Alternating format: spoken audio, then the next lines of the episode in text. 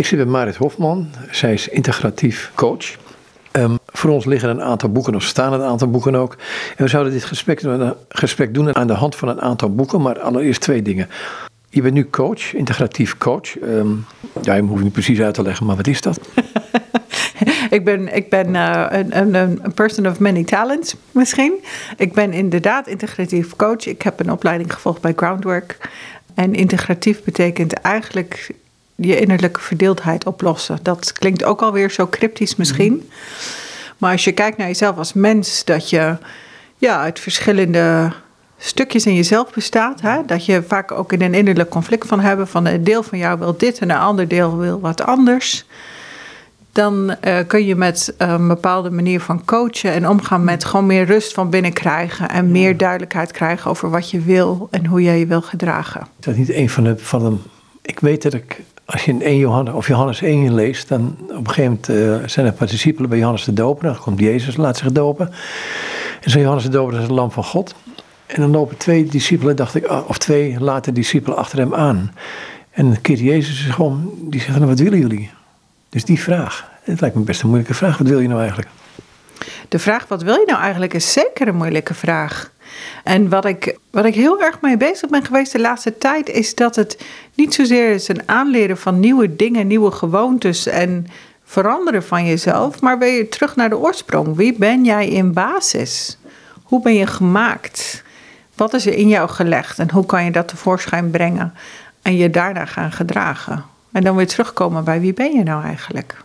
Ja, dan kom ik, sorry hoor, ik ga even een dwarszat in naar de mystiek toe, eh, middeleeuwse mystiek dan. Dan kom je dit soort termen tegen. God hoort of kijk je tevoorschijn. Ik vind dat prachtig. Ja, waarom? Omdat dat is, dat vind ik echt heel mooi. Omdat dat is wat ik hoop dat er gebeurt in de gesprekken die ik voer met mensen. En dat ik in die zin daarna misschien een beetje de hand of de voet of de mond of de oren van God kan zijn, of de ogen. De ruimte, juist, dat hoop ik te doen, de ruimte te bieden, zodat mensen zich tevoorschijn voelen komen, omdat ze die ruimte ervaren, om dat, ook, dat wat er is ook te laten komen. Er komen bij mij twee begrippen naar voren toe. Eén is um, zelfacceptatie, maar ook overgave. Als ik in de relatie tot God ga kijken. Ja, en dat brengt mij gelijk op mijn uh, die, die zelfacceptatie, die vind ik echt kern. Daar begint het bij. En die overgave, daar worstel ik soms nog mee. Want voor mij is de overgave nog heel veel gekoppeld aan de associatie met overgave betekent dat je niks bent. Dus dat is mijn innerlijke proces, die ik zelf doorga. Van wat betekent overgave in verhouding tot zelfacceptatie? Maar in relatie tot God? Zeker in relatie tot God. Ik ben opgegroeid met de gedachte die ik mezelf misschien wijs heb gemaakt. Dat overgave betekent ik ben niks en hij is alles.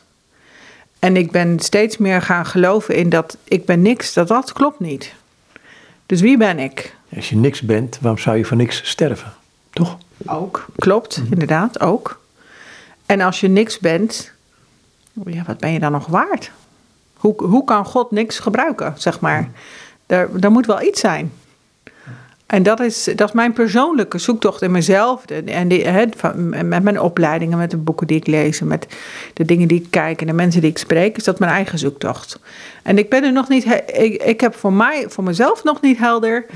Hoe verhouden die twee zich tot elkaar? Wat betekent overgave dan ten opzichte van het wel iets zijn? Omdat ik nog zo, zo, zo sterk de associatie heb met overgave betekent dat ik niks ben.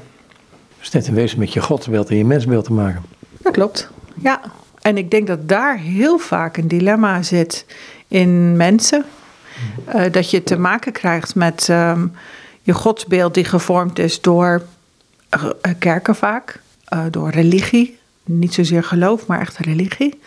En dat daar vaak de zoektocht in zit van, en wie ben ik dan? En hoe verhoud ik mij hiertoe? En wat vind ik als persoon? En wat vindt God? En welke rol speelt Hij in mijn leven? Het antwoord van Jezus was naar die discipelen van... Um, kom maar mee, dan kun je zien waar ik slaap of waar ik woon. Ja, ja. En ehm, eh, we kunnen gedeeltelijk mee. Hè? We kunnen de Bijbel lezen. We kunnen kijken wat Jezus deed. Maar we leven ook gewoon in het hier en nu, waarin we niet het fysieke, letterlijk niet fysiek achter Jezus aan kunnen lopen. En dat is, uh, ja, daar, in die situatie leven wij. En dat is dan soms een zoektocht. Maar goed, het feit dat hij erbij is, telt dat? Of is dat een, een geloofszaak? Ik vind dat allebei. Het telt en het is een geloofszaak. En ik, ik weet wel dat het voor een heleboel mensen gewoon echt absoluut telt. En dat het dus een zaak van geloof is. Ja. Maar ik weet, ik heb Harry Nouwen, ja, Fiets Schermoor, ooit horen spreken. En die zei van, ja, je bent een geliefd kind van God en accepteer het nou eens een keer. Gek, gek genoeg. Het gaat even niet om jou nou, maar gewoon even die straat nog één keer in. En dat is, weet je dat dat is volgens mij de kernvraag van elke persoon die komt voor een coachgesprek. En uiteindelijk ook mijn vraag, en misschien elke therapeut, elke mens vraag is: mag ik er zijn? Mag ik zijn? Heb ik bestaansrecht? En dan komt het op neer: durf je dan ook te geloven dat je een geliefd kind van God bent? En dat is een soort van oervraag, die vaak onder heel veel lagen van oordeel en meningen van anderen en hoe zou het moeten horen, uh, verstopt zit. En toch in essentie is dat steeds waar het op neerkomt. Mag ik zijn wie ik ben? En ben ik daarin een geliefd kind van God? Je bent integratief coach, mhm. maar je bent ook ambassadrice van de lepra-zending, even kort. Mm Daar wil ik ook even hebben. Um, waarom eigenlijk? De ambassadrice van de lepra-zending ben ik omdat ik zelf ook een uh, lepra heb gehad. En dat is, dat is een wonderlijk verhaal op zich, want ik ben een, blanke vrouw van 50. En je woont in Nederland, dus ik, ik associeer Nederland, in Nederland zijn niet met lepra. Eerder landen waar wat grotere armoede is, om het zo maar te zeggen. En dat klopt ook, want ik heb het ook niet hier opgelopen. Mhm. Ehm, en met, de mensen zullen dat misschien wel aan mijn accent horen. Ik, uh, ik, praat met een accent omdat ik wel Nederlands ben van paspoort, maar ik ben opgegroeid in Noorwegen, Ethiopië, Kenia en Oeganda en Amerika. Ik denk dat ik ze nu allemaal genoemd heb. Um, op uh, Amerikaanse scholen heb gezeten. Dus Engels is mijn voertaal en ook mijn boekentaal. Dus we zullen heel veel Engel, Engelse boeken zo meteen zien. Um, maar in, de, in die periode, mijn vader zat dus in het lepra-werk. Toen heb ik op mijn dertiende, uh, zijn we erachter gekomen dat ik lepra heb. Had. Ja. En het is bekend hoe je dit opgelopen hebt? Ja, Uiteindelijk blijkt het een geval te zijn geweest van dat ik het opgelopen heb omdat ik een wond had aan mijn knie. En die is toen behandeld in het lepra ziekenhuis. En het is waarschijnlijk op die manier is die bacilli dus in mijn lichaam gekomen. En drie jaar later ongeveer toen uitte zich dat in de vorm van een wit vlekje. Een ongevoelig vlekje. En dat is een van de eerste symptomen van lepra, is ongevoeligheid, dat de zenuwen aangetast worden. Wij woonden toen op dat moment in Amerika op het terrein van een lepra-ziekenhuis. En daar ben ik toen behandeld. En toen uh, uh, ben ik genezen. En daar heb ik ook geen langdurige consequenties daarvan gehad. Maar goed, dat, dat aspect is voor jou reden geweest om ambassadrice te worden van de lepra-zending. Ja, ik vind het echt een, eh, een hele nuttige manier om iets te doen met mijn verhaal. Het is een, uh, ik ben een verhalenmens. Ik ben een relationeel mens. En dit is iets wat ik meegemaakt heb, waarvan ik nog een soort van nut of zin kan geven door me als ambassadrice in te zetten. Ja. En wat is de zin daarvan dan? Dat ik, ik heb dus iets meegemaakt. En door het delen van mijn verhaal kan ik zorgen dat het misschien een, een ander ook vroegtijdig behandeld wordt. En dat het stigma eromheen wat anders wordt. En dat de beeldvorming om lepra verandert. Het grote punt is het vroegtijdig ontdekken, maar ook het stigma eromheen hangt, waardoor mensen niet op tijd komen. Ja, want lepra is echt behangen met een heleboel vooroordelen, een heleboel beeldvorming, die vaak ook gebruikt wordt van uh, mensen die uh, met, met, met stompjes of uh, geen voeten. dat zijn de extreme vormen van lepra die gebeuren omdat mensen niet op tijd behandeld worden. Want op het moment dat je op tijd behandeld wordt, krijg je ook die gevolgen niet. En de, de reden dat mensen niet op tijd behandeld worden, is omdat er nog zo verkeerde beeldvorming is en er nog zoveel stigma omheen hangt. Dus daar, uh, daar maak ik me hard voor, om de, iets van dat stigma af te halen. En daarvoor probeer je mensen in Nederland te bereiken om gewoon steun te geven? Ja, dat klopt. Ja, ja en, en, uh, dat ik, uh, en om het verhaal van lepra dichter bij de mens te brengen.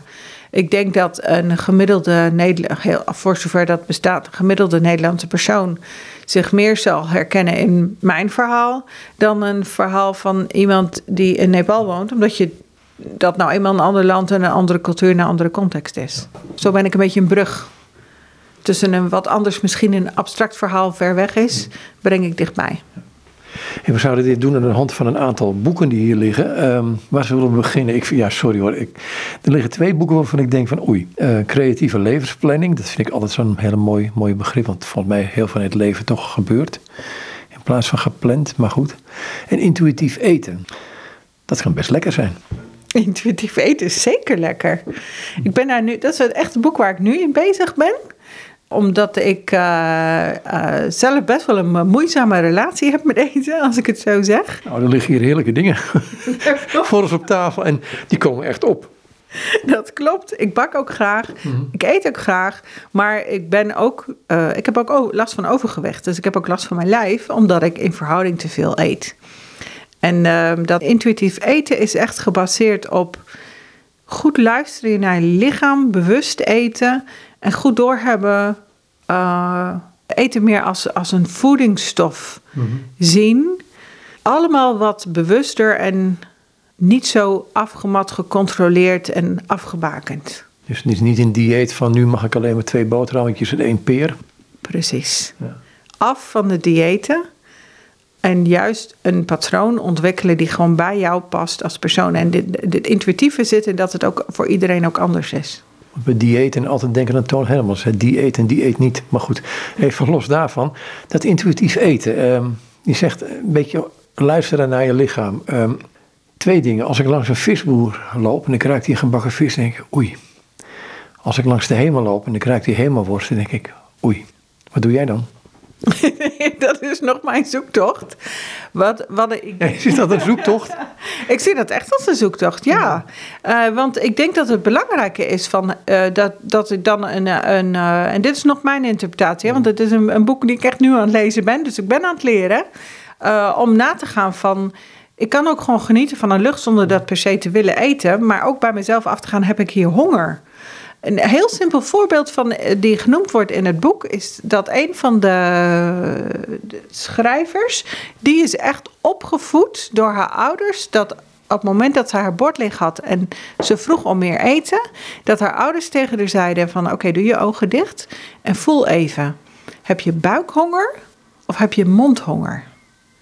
En om dat onderscheid goed te kunnen voelen, dus op het moment dat ze buikhonger had, dan kreeg ze rustig gewoon nog een tweede portie eten. En op het moment dat ze mondhonger had, in de zin van ik wil nog wat meer proeven, dan kreeg ze nog een hapje of twee voor het lekkere, voor het lekkere. En ik dacht, briljant. Ik bedoel, hoe geweldig zou het zijn als ik dat mm. ook zo werd opge, opgegroeid. Of dat ik mijn kinderen dat had aangeleerd. En nu dat ik mezelf dat alsnog kan aanleren, heb ik hier behoefte aan omdat ik fysiek honger heb en mijn lijf heeft het nodig? Of vind ik de smaak lekker? Vind ik, heb ik zin in die smaak? Is het met, wil ik dat dan ook echt? Wil ik het nu proeven of uh, later proeven? Mhm. Doe ik het wel, doe ik het niet? Nou ja, die overwegingen. Maar goed, als je coach bent en je praat met mensen, dan zie je ook de term troostvoedsel wel tegenkomen. En uh, je ogen zijn groter dan. Hè? Dat klopt helemaal. En dat is bij mij ook zo. Vandaar dat ik dat boek ook lees. dus ja. Een soort zelfkwelling. nou, ik heb wel uh, laatst nog gezegd. In, in, in, we zijn met een, een, groepje bezig op Facebook. En wat ik ook gezegd heb, is van soms is een dieet gewoon makkelijker. Want dan hoef je niet na te denken. Dan weet je gewoon, dit mag wel en dit mag niet. Klaar. Maar dat houdt een keertje op. En dan komen alsnog de emoties of de troost of wat dan ook komt naar boven. En dat heb ik een hele poos van me uitgeschoven. Want ik kom mezelf wel tegen, nu ik in dit boek aan het lezen ben. Nou ja, ik ben benieuwd. Of eigenlijk niet, ik weet het niet. Maar goed. Er ligt een ander boek, Creatieve Levensplanning van um, Paul Donders. Dat is ook een coach volgens mij. Ontdek, ontwikkel je talenten.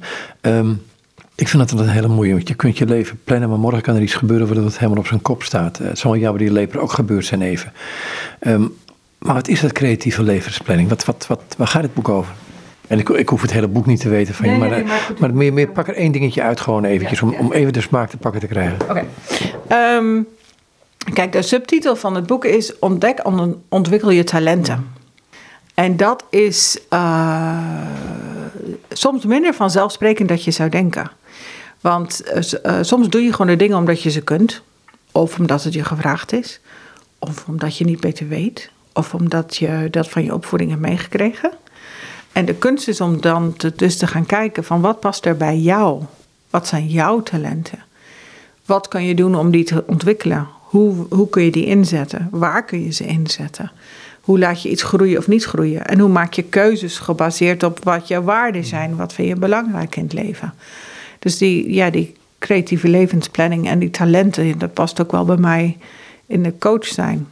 Ik had vanmorgen een, uh, een gesprek met een, uh, een, uh, een meisje via mijn andere project, want ik werk ook voor Stichting Present. En toen zijn we haar talenten op tafel gaan leggen. Een hele stapel kwaliteiten. Zoek maar uit, wat past bij jou? En tot haar verbazing kwam ze erachter dat ze een heleboel van die kwaliteiten dus op tafel kon leggen.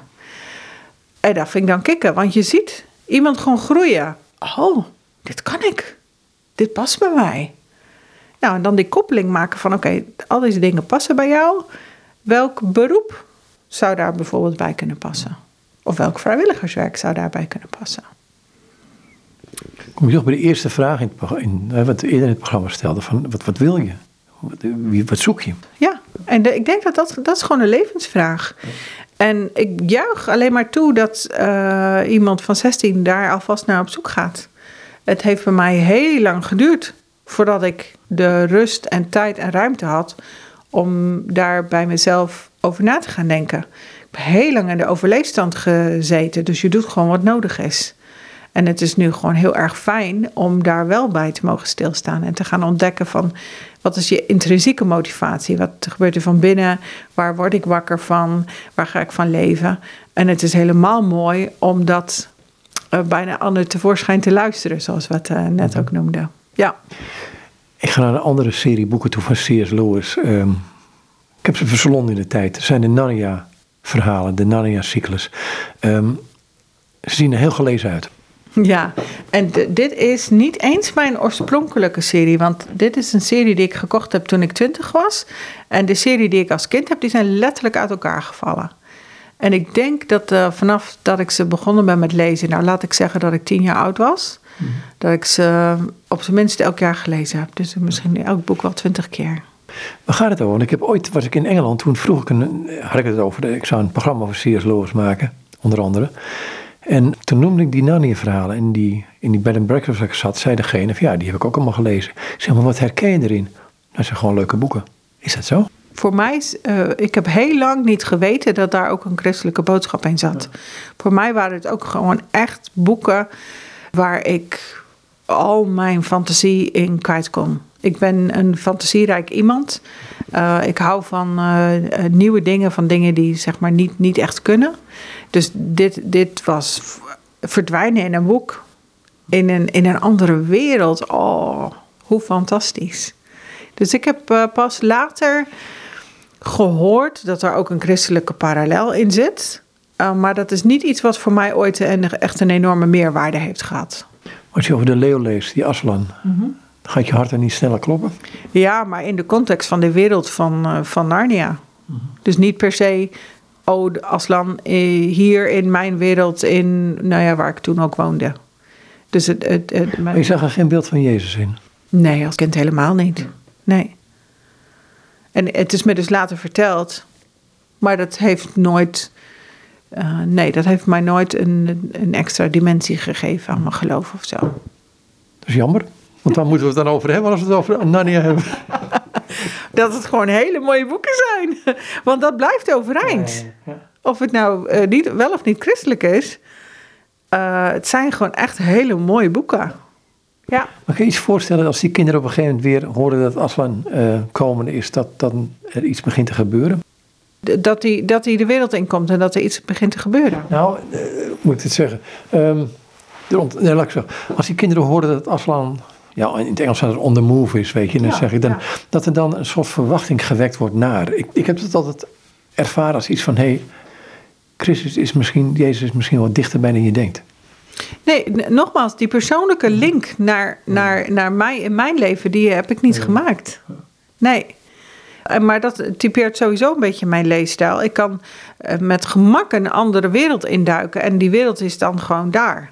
En dat is niet, ik leg niet, niet altijd, soms wel, de parallel met oh, en wat betekent dit voor mij persoonlijk in mijn leven in het hier en nu?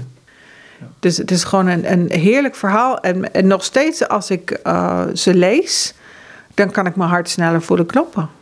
En, dan, eh, en de verwachting inderdaad die opgeroepen wordt, of de tranen om iets emotioneels wat gebeurt. Dus al dat gevoel, dat kan ik nog steeds intens voelen. Maar ik, voor mij heeft het niet per se meerwaarde om dat dan te verhouden tot mijn echte leven tussen aanhalingstekens. Nee, maar de hele geloofslijn erin, die heb je later gehoord, maar dat is veel minder relevant. Ja, dat klopt. Die is echt minder relevant. Ja. Daaronder zit een serie van ehm, Kleine Huis op de Prairie. Ehm, kan niet zeggen dat ik die gelezen heb, helemaal niet. Uh, wat trek je daarin? Ook weer het andere van de, van de wereld. Uh, het kleine huis, dat gebeurt allemaal in Amerika. Hè? De, de, de hoofdpersoon Laura Ingalls Wilder, die reist met haar familie in de pionierstijd door Amerika. En die vertelt over haar verhalen, of over haar leven. En ik, uh, ik ben in aard een nieuwsgierig iemand en ik hou van iets nieuws leren. Dus met deze boeken dook ik een hele nieuwe wereld in. In Narnia was het een fantasiewereld. En met uh, Little House on the Prairie was dat een geschiedkundig iets wat in de geschiedenis plaats had gevonden, jaren geleden.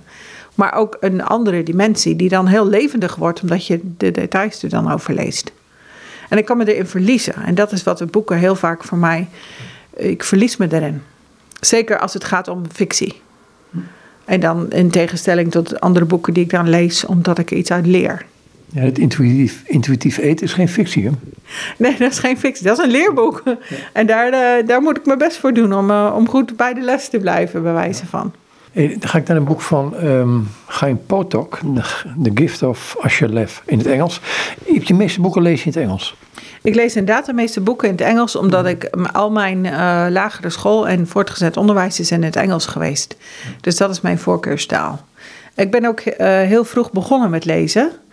Ik weet ook niet anders dan dat ik gewoon altijd al lees. En ik heb mezelf op een gegeven moment Nederlands leren lezen, want wij woonden dus niet uh, in Nederland. Ik heb mezelf op een gegeven moment Nederlands leren lezen. Dus ik lees wel Nederlands, maar met minder gemak en souplesse dan, uh, dan Engels.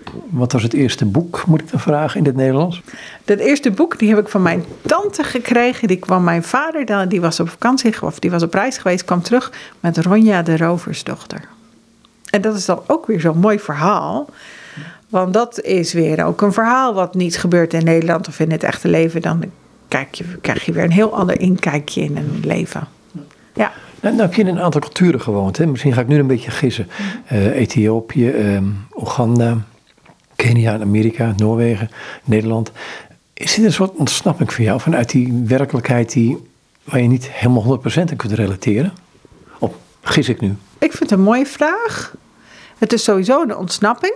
Het is ook een, een, periode in mijn leven echt letterlijk een soort van ontsnapping geweest uit de realiteit die ik toen als heel zwaar heb ervaren. En welke realiteit was dat? De realiteit van een heel jong moeder zijn, heel erg depressief zijn. Zeg maar die uh, jonge kinderen. En echt, echt niet goed in mijn vel zitten. Dan was boeken een vlucht. En dan was lezen even niet hier zijn. Daar kon ik niet goed mee dealen.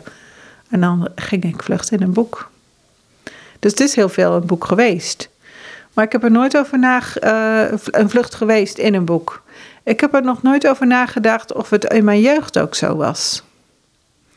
Ik weet gewoon niet beter dan dat ik hield van lezen. Ik, ik hield van die andere werelden die daarmee dan open gingen. Ja. Dit boek van Asherlef, waar gaat het over? Dit boek, uh, Gein Potok, die schrijft heel veel over de orthodox-Joodse gemeenschap. En de, en de Gift of Asherlev is, uh, of eigenlijk de eerste is My Name is Asherlev. Die gaat over een uh, Joods-orthodoxe jongen die kunstenaar is. Die blijkt dat hij heel goed kan schilderen.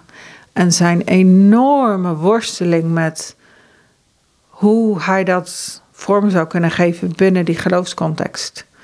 Die strijd en de beschrijving van ja, die enorme innerlijke strijd die hij ervoor en ook schilderde. En de spanning die dat veroorzaakte in het gezin, het verdriet die hij veroorzaakte bij zijn ouders, die daar amper mee konden omgaan. De ruimte die hij toch kreeg om er iets mee te doen. Ja, dat vind ik prachtig. Echt heel mooi. Is dat een soort innerlijke verscheurdheid die je als coach tegenkomt, maar ook bij jezelf bent tegengekomen? Ja, dat vind ik een mooi parallel. Dat is zeker zo. Iets willen, niet weten hoe, in je rugzak meenemen, uh, mee hebben genomen de, de, de vaak religieuze regels van wat mag er wel, wat mag er niet.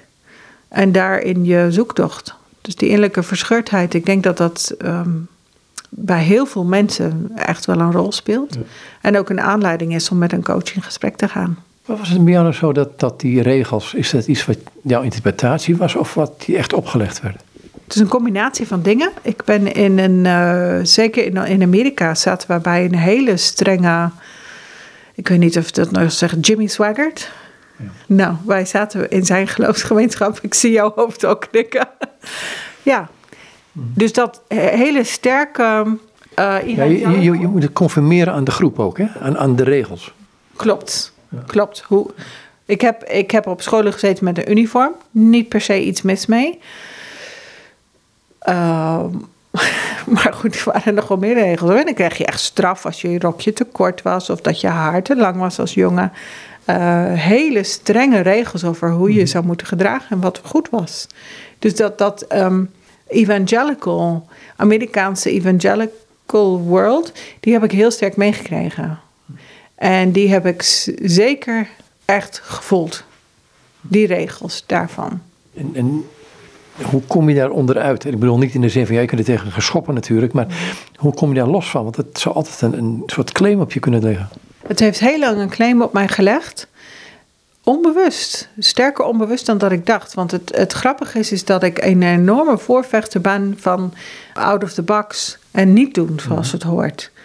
Maar ik heb ook ontdekt dat er een diepe uh, kern in mij was die heel erg angstig was. En dat ik een heel angstig, echt intens angstig geloof heb gehad. En daar ben ik achtergekomen tijdens mijn coachopleiding. En dat was doordat we een les hadden over verschillende geloofstromingen. Uh, verschillende uh, religieuze stromingen met de achterliggende gedachten daarachter. En dat ik opeens in staat was om te realiseren van... Marit, jij bent opgegroeid in één van die stromingen. Niet de juiste stroming, gewoon een stroming. En met dat ik daar een soort van los van kon stappen, kon ik me realiseren wat voor gevolg het had. En ook zien van, maar er bestaat veel meer. Het is maar een manier. Het is niet de enige manier. Wat voor een, uh, gevolgen zag jij dat het had voor jou? Want dat werd je in ene duidelijk. Wat waren die gevolgen? Vooral angst. Angst, angst, angst. Een diepliggende angst om juist wat in mijn aard zit, om juist buiten de baks te denken. Ik heb ehm, eh, tegen alle angst in dan uh, toch wel een fantasieboek gelezen. Met in mijn achterhoofd, oh ja, maar dat zou wel demonisch kunnen zijn. Ik heb heel veel oordeel in mijn achterhoofd altijd gevoeld over wat ik deed en hoe ik me gedroeg.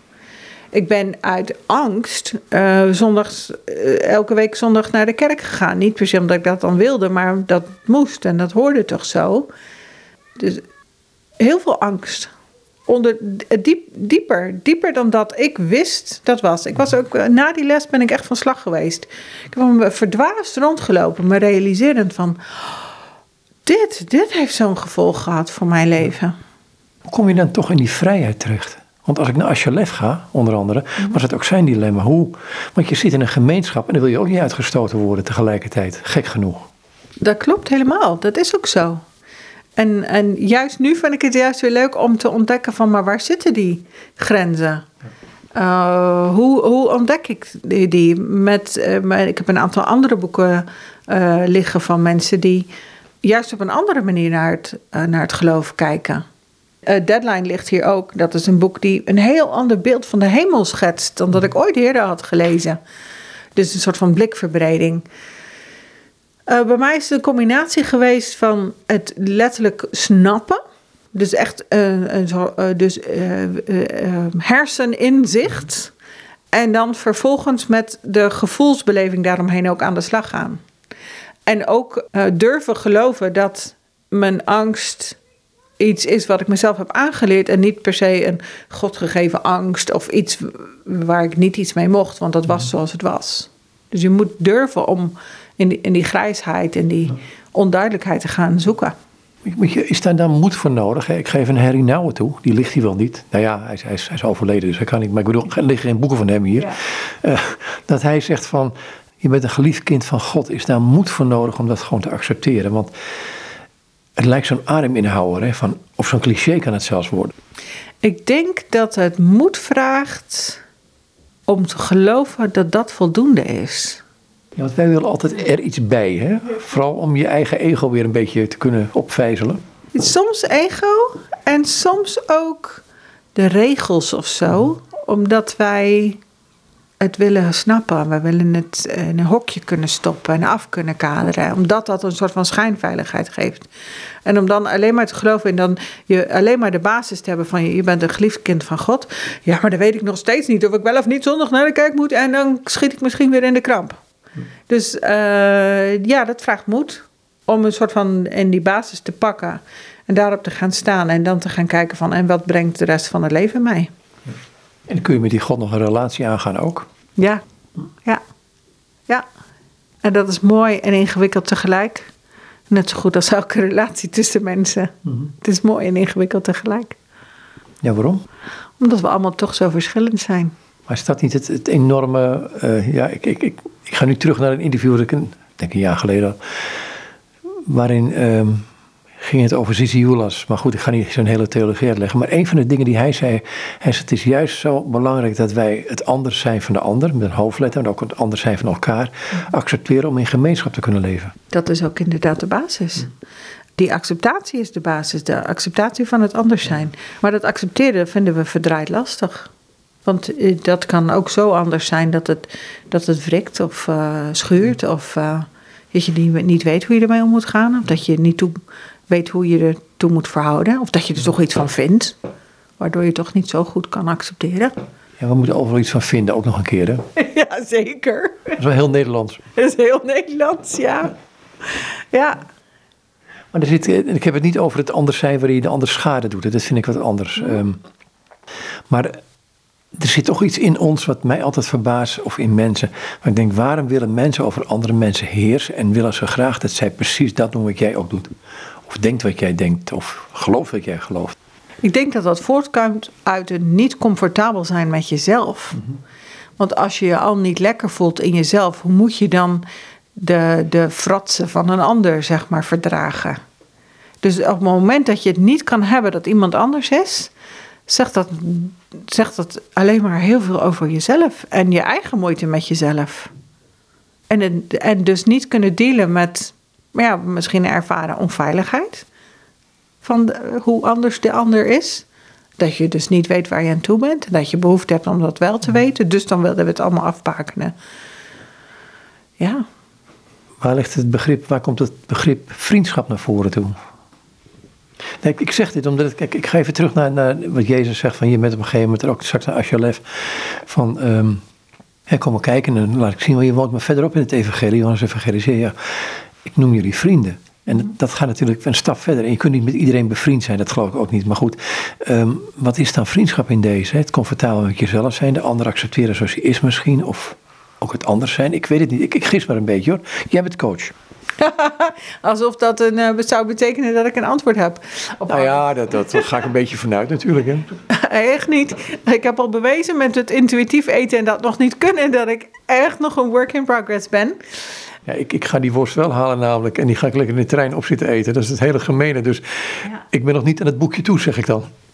Nou, en ik denk uh, dat je dat wel gaat doen, omdat je er gewoon zin in hebt en trek hebt. En dat is dan heel goed en heel intuïtief.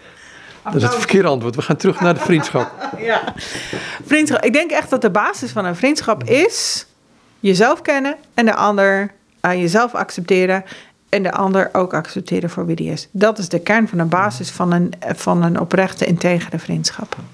Maar leer jezelf kennen, uh, en ik ga naar de ander met een hoofdletter, naar God toe. Leer jezelf kennen aan de hand van God, aan de hand van de ander, wie de ander is. Hè? In de ander, met de ander. En kun je jezelf zonder die ander leren kennen? Ander met een hoofdletter, uh, uh, ja. ja, je leert jezelf kennen in de, in, in de verhouding, ik noem het even verhouding, in de relatie tot God. Maar niet alleen maar. Want dat zou betekenen dat iemand die niet in God gelooft uh, zichzelf niet kan leren kennen. Dat geloof ik niet. En ik geloof ook wel dat wij elkaar gegeven zijn om onszelf te leren kennen. Want uh, ja, eerlijk gezegd is het gewoon zo. Als je op het moment dat jij uh, iets heel vervelend vindt aan de ander, dan zegt dat iets over jou. En, en, en dus hebben we alsmaar spiegels in onze omgeving die stukjes van onszelf weer terugspiegelen. En waar, waardoor we onszelf zouden, beter zouden kunnen leren kennen. Als je left toe, hoe ging het met hem verder? Want hij komt uit een zeer orthodoxe Joodse gemeenschap, uh, kunstenaar. Hoe is het wrikken met hem verder gegaan? Hij heeft een vorm van een balans kunnen vinden daarin. Want hij heeft een, in die boeken in ieder geval, hè, nog altijd een, uh, een relatie met zijn ouders weten te onderhouden. Een tussenvorm weten te vinden. Waarin hij een bepaalde mate van orthodoxie hield. En toch ook de vrijheid had om zich in zijn kunstenaarschap uit te drukken. Maar het is geen sprookje. Het is geen sprookje van. En toen kwam alles goed. Nee, het is het verhaal van de weg er naartoe en de moeite die het kost. Zoals het leven toch vaak moeite is, hè? Dat is helemaal waar. Ja. ja. En je noemde net Randy Elkhorn Deadline en er ligt er nog eentje onder. Die is wel Nederlands grenzen. Ik neem aan dat het Nederlands is. Ja. Wanneer zeg ik jou, wanneer zeg ik nee, hoe bepaal ik mijn eigen grenzen? Nou, laten we eerst naar Randy Elkhorn gaan, want dat noemde je net, Deadline. Ja. Um, je, zei, dat gaf me een ander beeld van de hemel um, dan dat ik had. Wat was jouw beeld en wat is het beeld wat hij gaf? Of geeft? Het, eh, mijn beeld van de hemel is, en de hel was, eh, is, eh, was een beetje het clichébeeld van wolkjes, harpjes, God op zijn troon en een soort van ongevormde ja, hemels iets, mhm. hè? de kindertekening hemel. Mhm. en um, hel, vuur en vlam en um, ellende, continu durende ellende. In dit boek wordt de hel geschetst als een niksheid, een eeuwigdurende niksheid. Leegte. En die trof mij veel dieper dan een hel met vlammen en uh, demonen. Hmm. Ik denk dat iedereen die gekscherend zou zeggen: Ah, laat me maar naar de hel hoor, dan ga ik daar wel een lol maken. Maar als de hel een plek zou zijn waar je in eeuwige leegte zou terechtkomen, relatieloos, verbindingloos, eh, ja, dat is pas angstaanjagend. En ja, die, ik vond hem heel treffend. Ik dacht van ja, dat, los van alle relaties of zo. Dat ik denk, nou, wow, dat is pas heftig. En de hemel werd geschetst als een plek waarin je je doorleeft en je doorontwikkelt. Je komt er met de bagage die je nu hebt, maar je blijft in proces. Je blijft een persoon in ontwikkeling. En dat sprak me heel erg aan. Want ik, ja, ik vind het een mooie gedachte dat het niet hier ophoudt, maar dat we, dat we doorgroeien, doorontwikkelen. En dat er dat die nieuwe hemel en nieuwe aarde niet een soort van magisch wonderland is waarin we op al onze wenken worden bediend en, en, en een soort van, wat ook bijna voelt als een soort van niksheid, maar dat we ook daar iets kunnen doen en kunnen betekenen en ons kunnen vormen en doorgroeien. Ik moet toch naar Narnia denken, hè? The Last Battle, de laatste slag, het Engeland in het Engeland. Ja. Zo mooi. Ja, ja, dus, ja, zo zijn er meer uh, parallellen te bedenken inderdaad. Ja. Wat mij ook dan, dan opvalt in uh, wat je zegt is. Nee, ik ga eerst naar jou toe. Uh, wat was jouw beeld van de hemel dan? En je hebt er wat over gezegd, maar in relatie tot wat je, die doorontwikkeling, was het een stationair gebeuren dan? Ja, een, een, een beetje een vaag, niet, niet goed, kon me niet goed bij inleven. Hoezo zou het dan fijn zijn om heel cliché op een wolk met een harpje te zitten, weet je? De, de, is dat fijn dan? Een ander boek, ik ga daar toch naartoe, um, Randy je wat hij ook over de hel spreekt? Hij zegt, het is een niksigheid. Het is bijna duisternis die je kunt vastpakken, dik en, en waar niks is. Ja, ja dat klopt. Maar vooral het niks is denk ik... In ieder geval is het iets wat mij heel erg raakt. Het raakt mij om te denken aan de, aan de, aan de hel als, als iets waar niks is, dan denk ik, ja, dat vind ik angstaanjagender dan, dan, dan duivels en Ja. weet je, leegte. Dat raakt mij meer. En het, en het idee van kunnen doorontwikkelen, dat raakt mij ook weer heel erg. Het is heerlijk dat God in beweging is voortdurend, hè, in zichzelf. Ja, en ik denk dat wij dat vaak vergeten, want wij eh, stoppen God ook maar al te graag in een bepaald hokje van hoe we denken dat het hoort of moet. En eh, we hebben ook soms moeite met de, de goddelijke ongrijpbaarheid eh, die hij is uiteindelijk. Ja, Ja, ik vind het begrip, de notie van de drie-eenheid, het Vader, Zoon, Heilige Geest elkaar liefhebben, in een voortdurende beweging, denk ik, ja, daar word je in opgenomen. Het is geen statisch iets, maar er gebeurt ook iets. ja, ja. En dat, dat schept ruimte. En daarin eh, worden wij gevraagd om, dat geloof ik ook wel, dan worden wij ook gewoon gevraagd om in te brengen of bij te dragen met ook datgene wat in ons gelegd is. En niet om klakkeloos als een soort van robots maar te volgen. En dat spreekt, dat, ja, daar hou ik van. Ja, het is zichzelf voortdurend weggeven eigenlijk. Hè?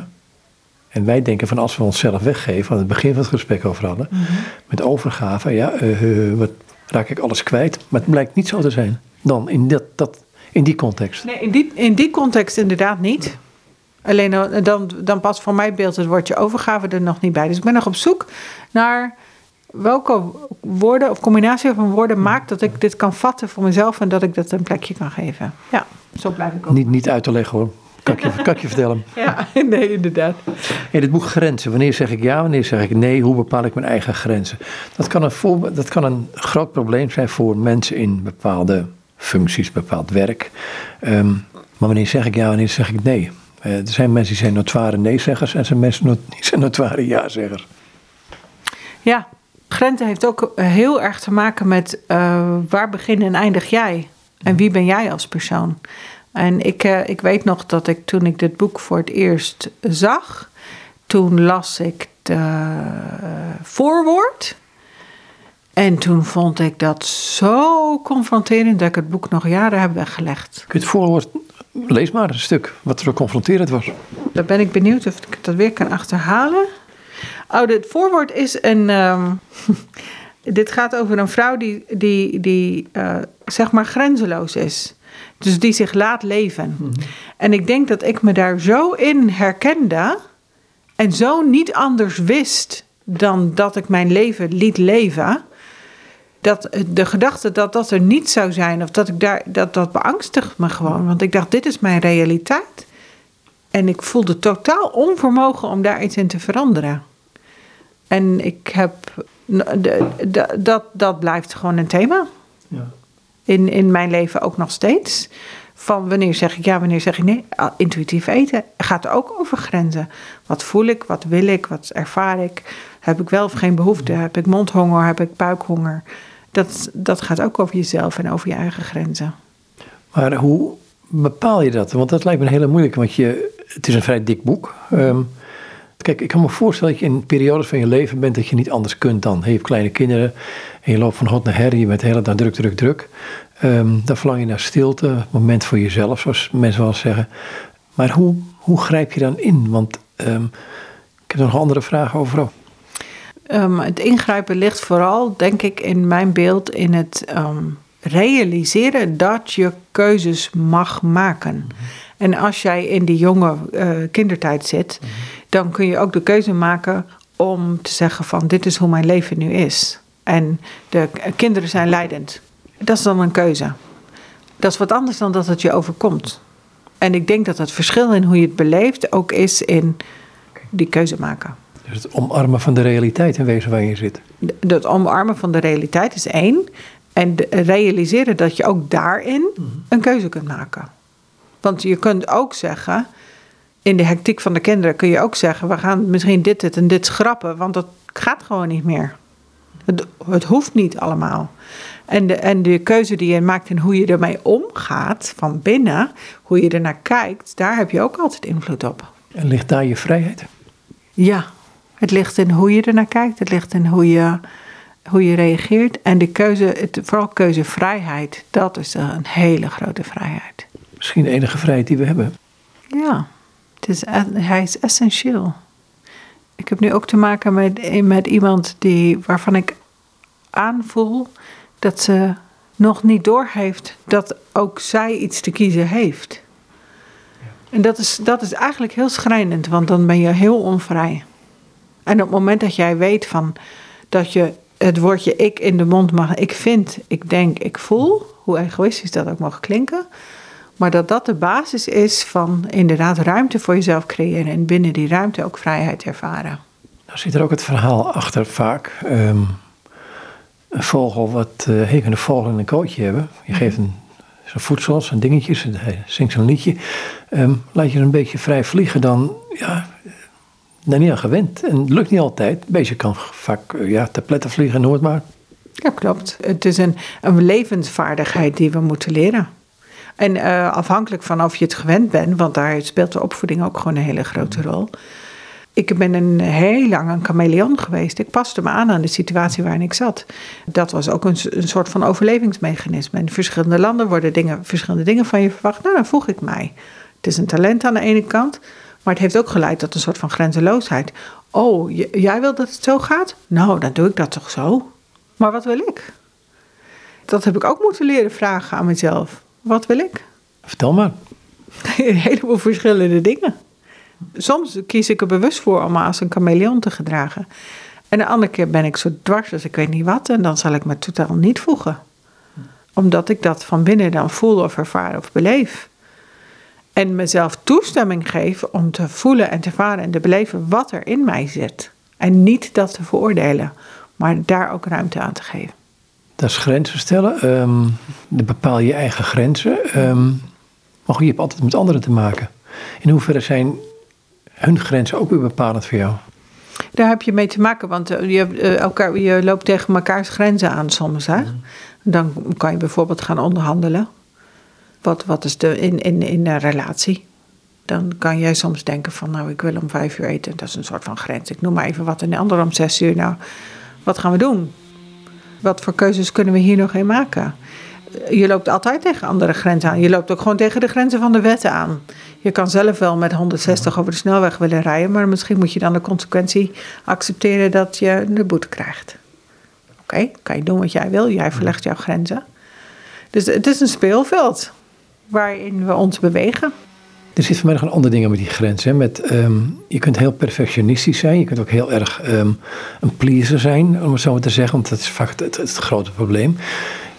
Ook iets anders ontdekt. Dat is, het volgende. Dat mensen tegen je zeggen, jongens, ik wil graag niet dat je zegt, zegt tegen jou.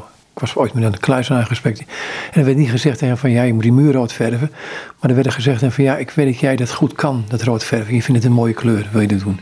En toen zei hij dat is manipulatie. En toen viel bij mij ook het muntje, want het is tegen mij ook wel eens gezegd, dat is soort dingen.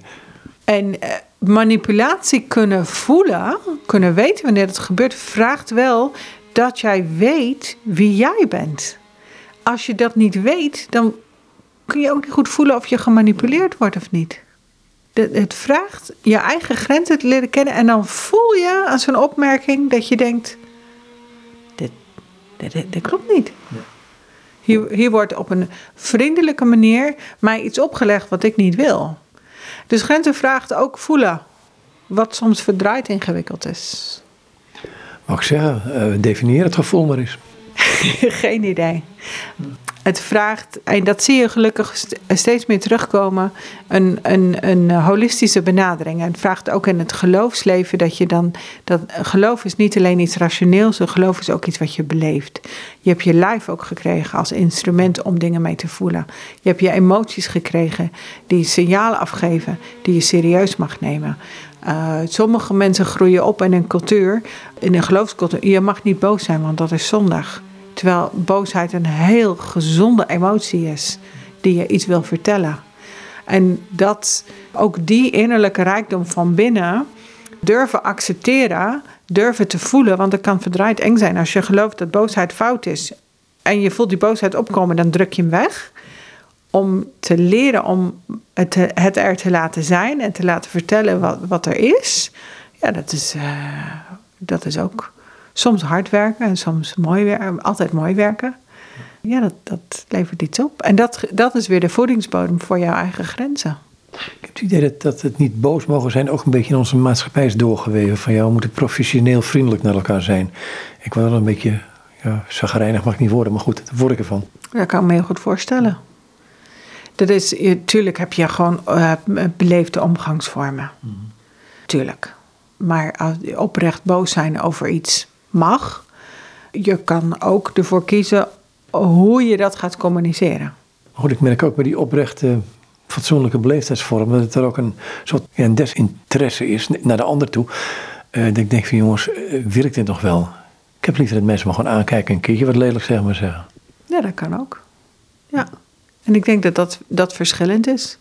En dat is de kunst van het ook weer um, communiceren met een ander. Dat je jezelf recht doet en ook de ander. Maar er zijn geen makkelijke antwoorden op. Ja. Jij bent meer, misschien meer van de recht toe, recht aan en doe maar alsjeblieft niet zo'n vriendelijke vorm. En iemand anders die heeft zoiets van, uh, nou, dat, uh, dat recht toe, recht aan, dat voelt als een klap in mijn gezicht. Ik hoor hem liever wat uh, zijdelings.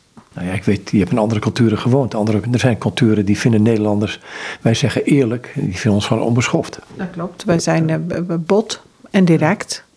En dat, dat kan, kan ik wel beamen, dat is ook wel zo. Ja. Het heeft voordelen en het heeft nadelen. Als je nou, je bent ambassadrice van de Lepra-zending. Um, we hebben een heleboel over die boeken gezegd nu. Uh, hoe neem je, neem je dit ook mee in jouw presentaties? Want je zal toch een bepaalde indruk moeten geven naar buiten toe van wat die lepra-zending is. En het komt natuurlijk heel dicht bij jouzelf, bij wie jij bent. Dat helpt. Nou ja, dat helpt wel in de zin van dat ik um, in mijn rol als ambassadrice ook graag mijn eigen kennis en mijn eigen vaardigheden meeneem. Want ik, dus dan kom ik terug bij de talenten. Wat, wat zit er in mijn rugzakje wat ik mee kan nemen in het verhaal? Dus ik ben ook bezig met een, een workshop bedenken waar we het over gevoel gaan hebben. En dat is zintuigelijk gevoel, maar ook emotioneel gevoel. En dan komt dat stukje coaching komt daar misschien weer wat meer in naar boven. Ik ben niet een persoon die um, een collecte loopt. Dat vind ik onpersoonlijk, past niet bij me, daar voel ik me niet prettig bij. Ik zou ook geld mee kunnen binnenhalen. Maar ik doe het liever op de relationele manier. Dat ik iets van mijn verhaal of mijn eigen kwetsbaarheid of mijn uh, eigen beleving gebruik. Om daarmee uh, mensen te raken en te kijken of ze daarmee dan geld willen geven. Aan? De leeprazending bijvoorbeeld. Ja. Een website? www.leeprazending.nl er ligt nog één boek, um, één boek waar we het niet over gehad hebben. Um, Ten Fingers for God van Dr. Paul Brandt. En dat is iemand van de leprazending, weet ik. Of heeft hij hem zelfs niet gesticht? Is hij dat? Dr. Paul Brand is wel een van de. Uh, die is betrokken geweest bij de Leprosy Mission, waar ook de leprazending inderdaad onderdeel van mm-hmm. is. En hij is jarenlang echt een boegbeeld geweest voor mm-hmm. lepra-patiënten. Een enorm, enorm betrokken man. Die um, heel veel heeft gedaan, hij en zijn vrouw allebei, op het gebied van de herstel en revalidatie van lepra-patiënten. En ik heb het voorrecht gehad dat ik hem heb gekend. En hij is ook de held van mijn vader, zeg maar. Toen wij in um, Amerika woonden, toen hebben zij ook een poosje op hetzelfde terrein gewoond als waar wij woonden. Dus ik heb hem ook gewoon leren kennen als man. Hele bijzondere man.